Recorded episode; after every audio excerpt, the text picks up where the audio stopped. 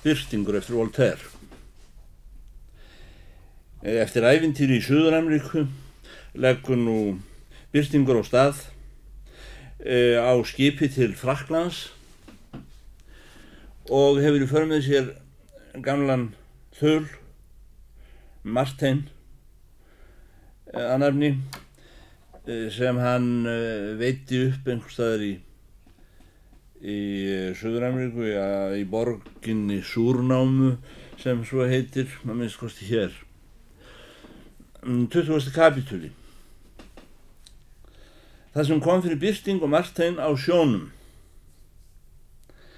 Síðan steg þessi gamlið hulur Martein að nafni á skip með Byrstingi og þeir held á stað til Bordóar. Báður hafðu séð og þólað sitt af hverju og þó skipið hefði sylt frá Súrnámu til Japans og komið við á góðrar vonarhauða myndu þeir hafa haft ærið að segja hvort öðrum alla leið af siðrænu og líkamlegu böli. Eh, samt hafði byrtingur mikið forlaup um frá Martein, vonina um að hitta hún frú Kunigund að nýju en Marteinn hafði enga von um neitt. Auk þess hafði hinn fyrir gull og gemsteina og þó hann hefði að vísu tapað hundrað stórum rauðum rollum, klifjuðum af stórkostlegustu fjársjóðum uh, jarðarinnar og þó honum liði ekki úr minni strákskapur hollenska skiptjórans, þá var þá samt svo að þegar hann hugsaði um það sem hann átti eftir í börsunum og um, þegar hann fór að tala um kúnigund og einhverjum þegar hann var nýbúin að borða þá hegðist hann til kenningar alltungu. En þér, Martin minn, hvað haldi þér um allt þetta? Spurði hann þölinn. Hvað eru yðarkenningar um siðrænt og líkamlegt böl? Minn herra, svaraði Martin, prestagregin mín sökuðu mig um að vera sósína, en í raun og veru er ég maníki. Nú er þér að draga dára mér, saði Byrstingur, Það er einhver maníkar lengur til í heiminum. Allt jón tók ég, sagði Martin. Ég gæti ekki að því gert. En það er mér ógerlegt að hugsa öðruvísi. Ætli djöfullin prjóna ekki skroknum á yður, sagði Byrtingur. Hann hefur laungum vilja blanda sér í það sem gerist hér í heimi, sagði Martin svo það mætti svo sem vel segja mér hann brjóni í skroknum og mér eins og annar staðar. En ef ég var að segja yfir alveg eins og er þá er það skoðun mín eftir að hafa reynd augum yfir þannig nött eða réttar að sagt þetta nattkorn að að drottin hafi afhendað einhvers konar veru með vondu innræti viðskuldaði Eldorado undanteknu. Ég hef aldrei vita kaupstað sem ekki óskaði þess að næsti kaupstaður leiðist í önn og aldrei þekkt uh, ættingjahóp sem langaði ekki mest til að gera út af við einhvern annan ættingjahóp. Alls þar hafa auðmingjarnir fyrirlitning á þeim voldugum sem þeir skrýða fyrir og þeir voldugu seljaði mullin á kjötið eins og kindum.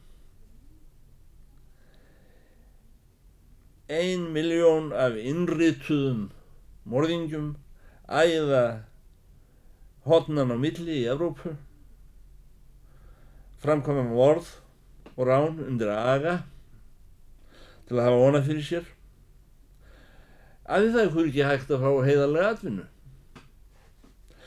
en í þeim borgum sem virðast njóta fríðar, þar sem listir blóngast, Þar er fólk jafnvel sjúkara af öfund, áhyggjum og kvíða en aðþrengdir íbúar í umsetnum borgum. Leinilegir harmar fólks eru ennþá ægilegri en nokkur ofinber eind. Í sem styrstumáli ég hef séð og reynd það mikið að ég er maníki. Það er þó til sitt hvað gott, saði Byrtingur. Það getur verið, saði Martin. En ég hef ekki orðið var við það. Mitt í þessari kappræðu þeirra mátti nú heyra fallbissu skott. Hávaðin fór hraðvaksandi. Allir báru kíkinn upp að augunum. Það sást til tvækja skipa sem háðu orustu í hérumbil þryggja mílina fjarlæð. Vindurinn bar þá svo nálegt franska skipinu að maður gætt horta á bardagan sitt skemmtunar eftir vild. Að lokum kom annað skip, skoti, eh, svo hæglega neðan til á byrðing hins, að það sökk til boss. Byrstingur og Martin sáu greinilega hér um byrj hundra menn standa á þilfari, hinn sökkmændi skips, þeir fórnuð allir upp höndum og æptur hæðilega. Í næstu andra var allt í kafi. Sjá, þarna sér maður hvernig menninir fara hver með annan, saði Martin.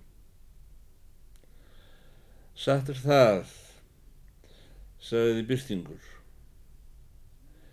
En djöfullin prjóna nú í þeim sem voru í þessum leik. Í því hann sagði þetta sá hann glitta í eitthvað raut á sundi við skipsliðina. Það var skotið út báti til að gá hvað þetta væri. Það var þá hann Rollan.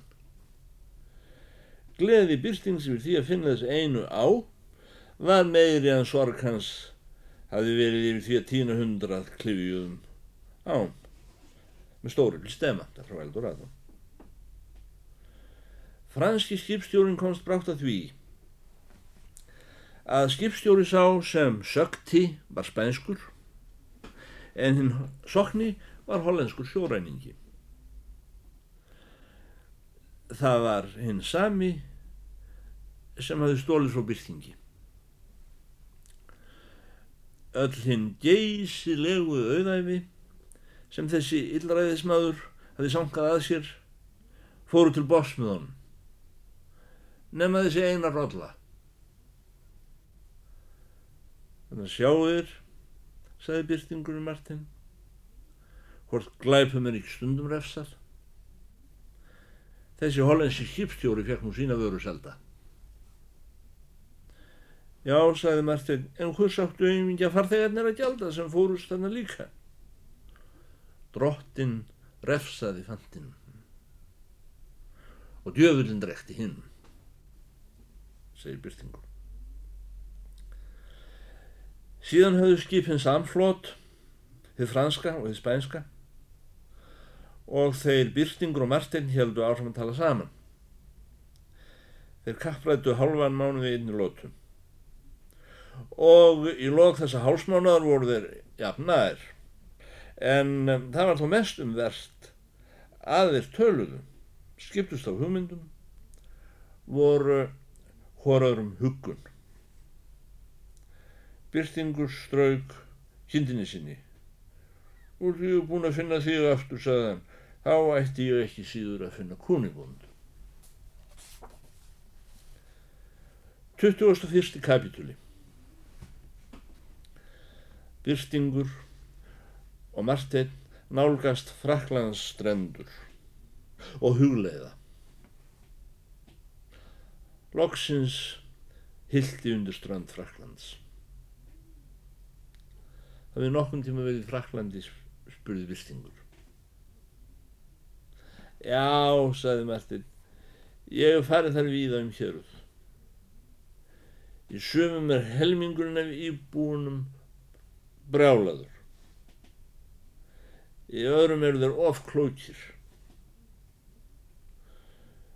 Í sumum eru þeir sæmileg grei en nokkuð himskir.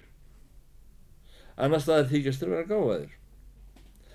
en allstaðar er aðal starf þeirra kvennafarið. Þannast róurinn og númer þrjú bullið. En hafið er komið í París, Martin minn. Já, ég hef komið í París. París er sambland af öllu þessu. Það er allt einn þvaga og allir að reyna að skemta sér. En fáum texta. Það minnst að kosti síndist mér svo. Ég stóðar ekki lengi við. Vasa þjóvar stála mér öllu sem ég hafði á mér um leiðu ég kom. Það var á samt í germans markaði.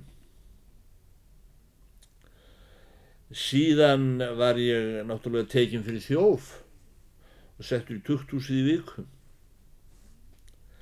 Eftir það gerðist ég prófarkarlesari í prentsmiðju til að vinna mér svolítið inn svo ég kemist fólkgangandi til Hollands. Ég kynnti skrilnum sem rítar, skrilnum sem pukrar og skrilnum með krampana.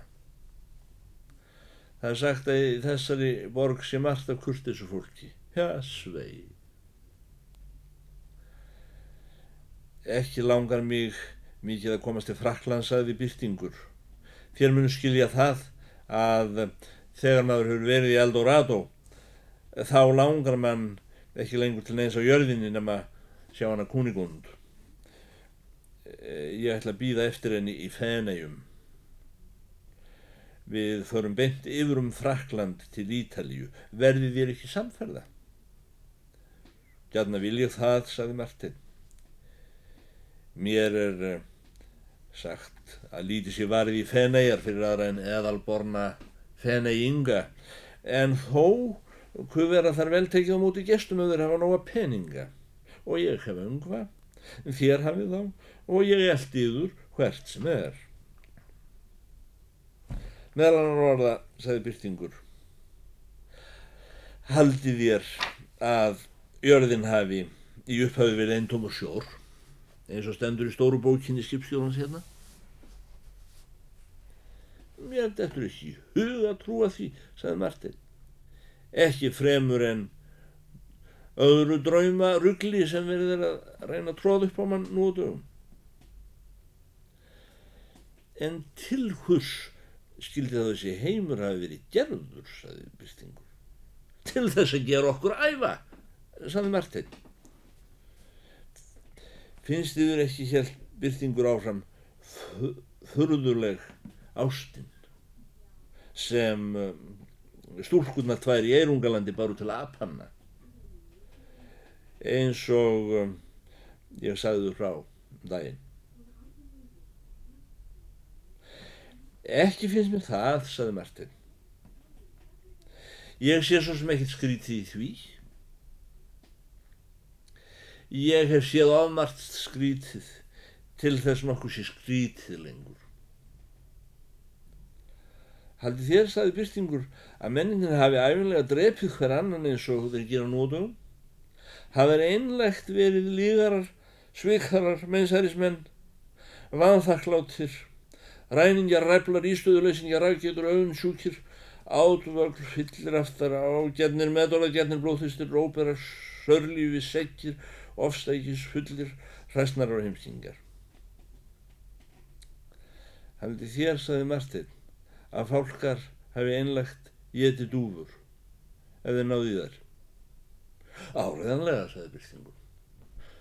Nú, já, já, saði Martin, ef fálkar hafa alltaf haft sömu lindisenkun, hvers vegna ætlist þér þá til að menninni breyti sinni?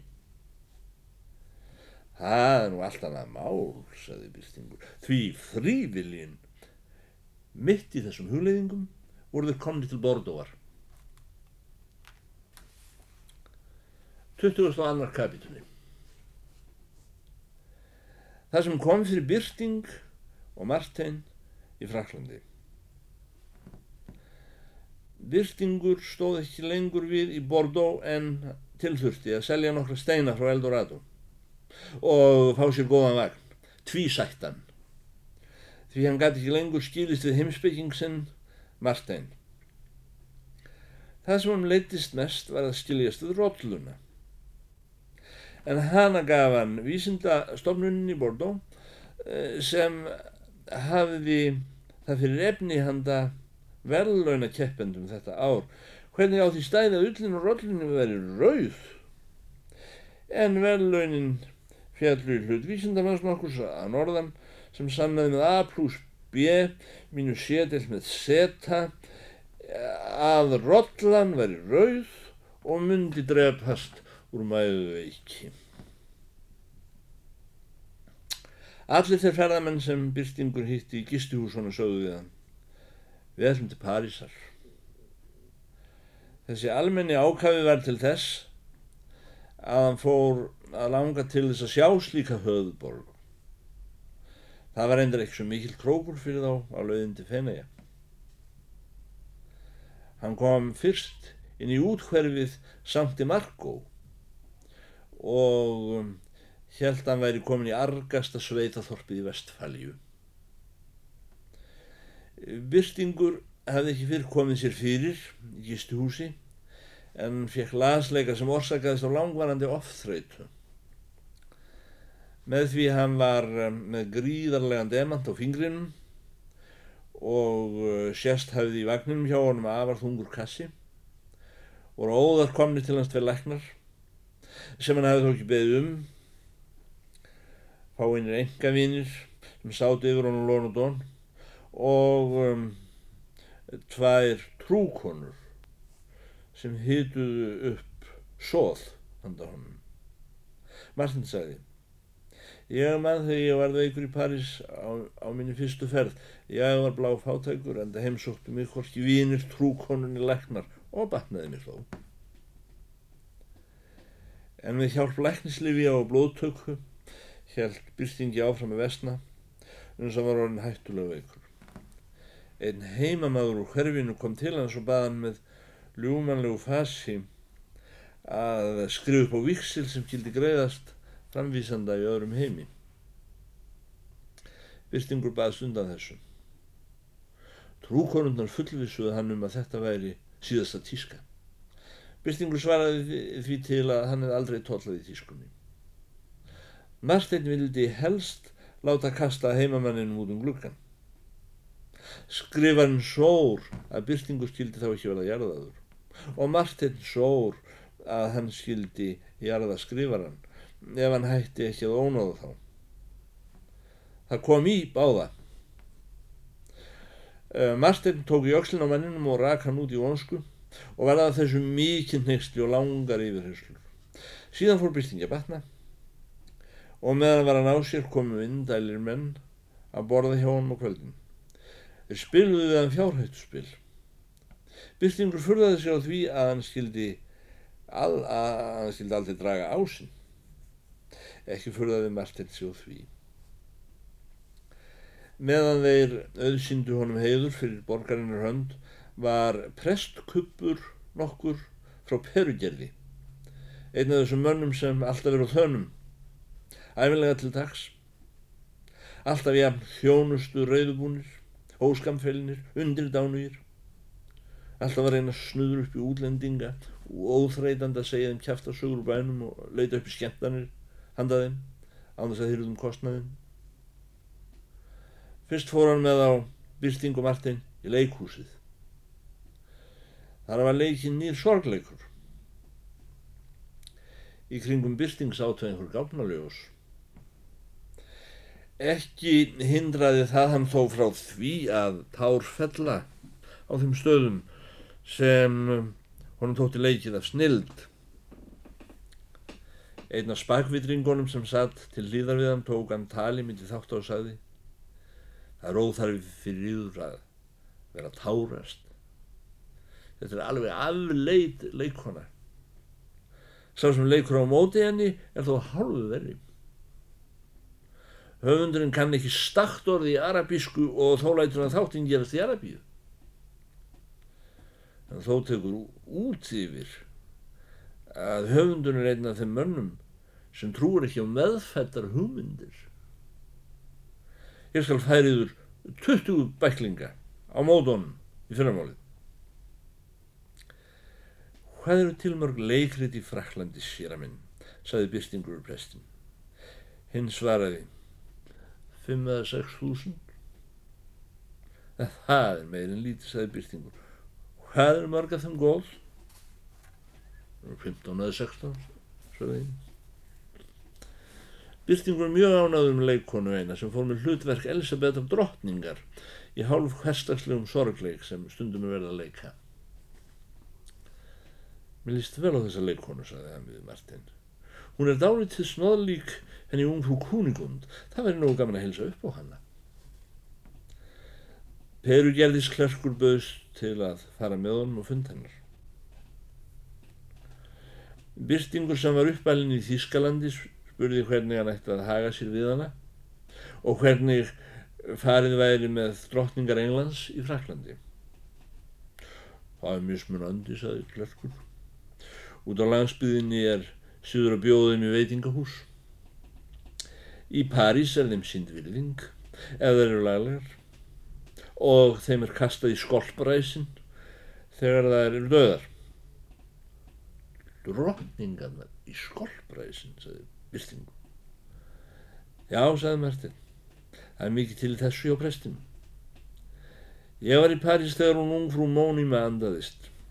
Henni var sinjað um það sem kallar að líka í výðri mold, þar að segja að rótna í óþverralegum kirkjugarði á samt öllum betlurónum í hverfinu. Hún var grafin einn sér á hotninu á borgundarstræti.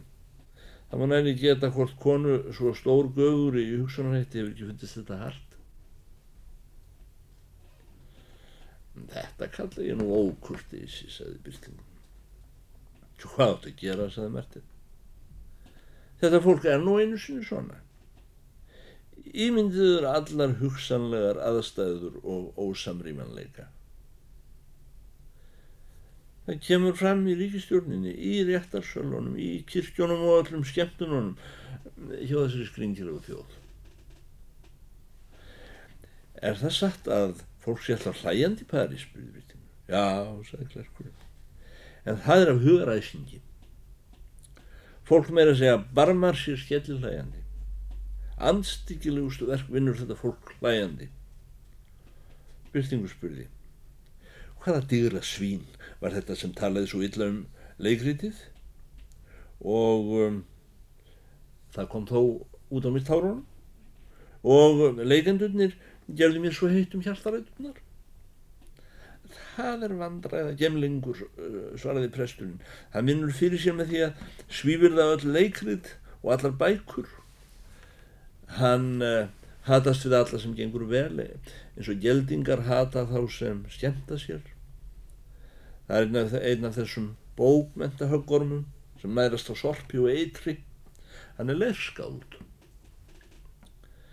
Hvað eigir við með leirskáldi, spurði Byrtingur.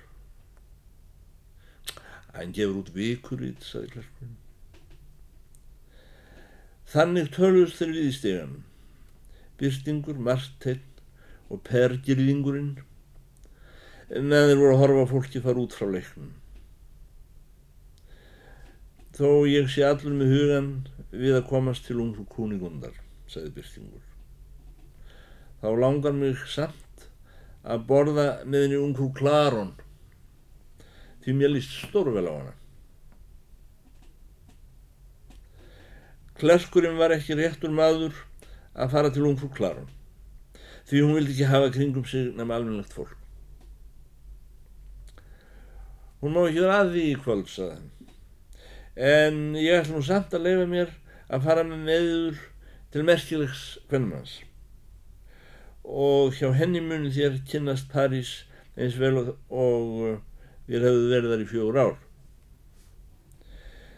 Byrstingur var náttúrulega forvitinn og létt vísa sér til hvernmannsins en hún átti heima í samti honor í útkverfinu.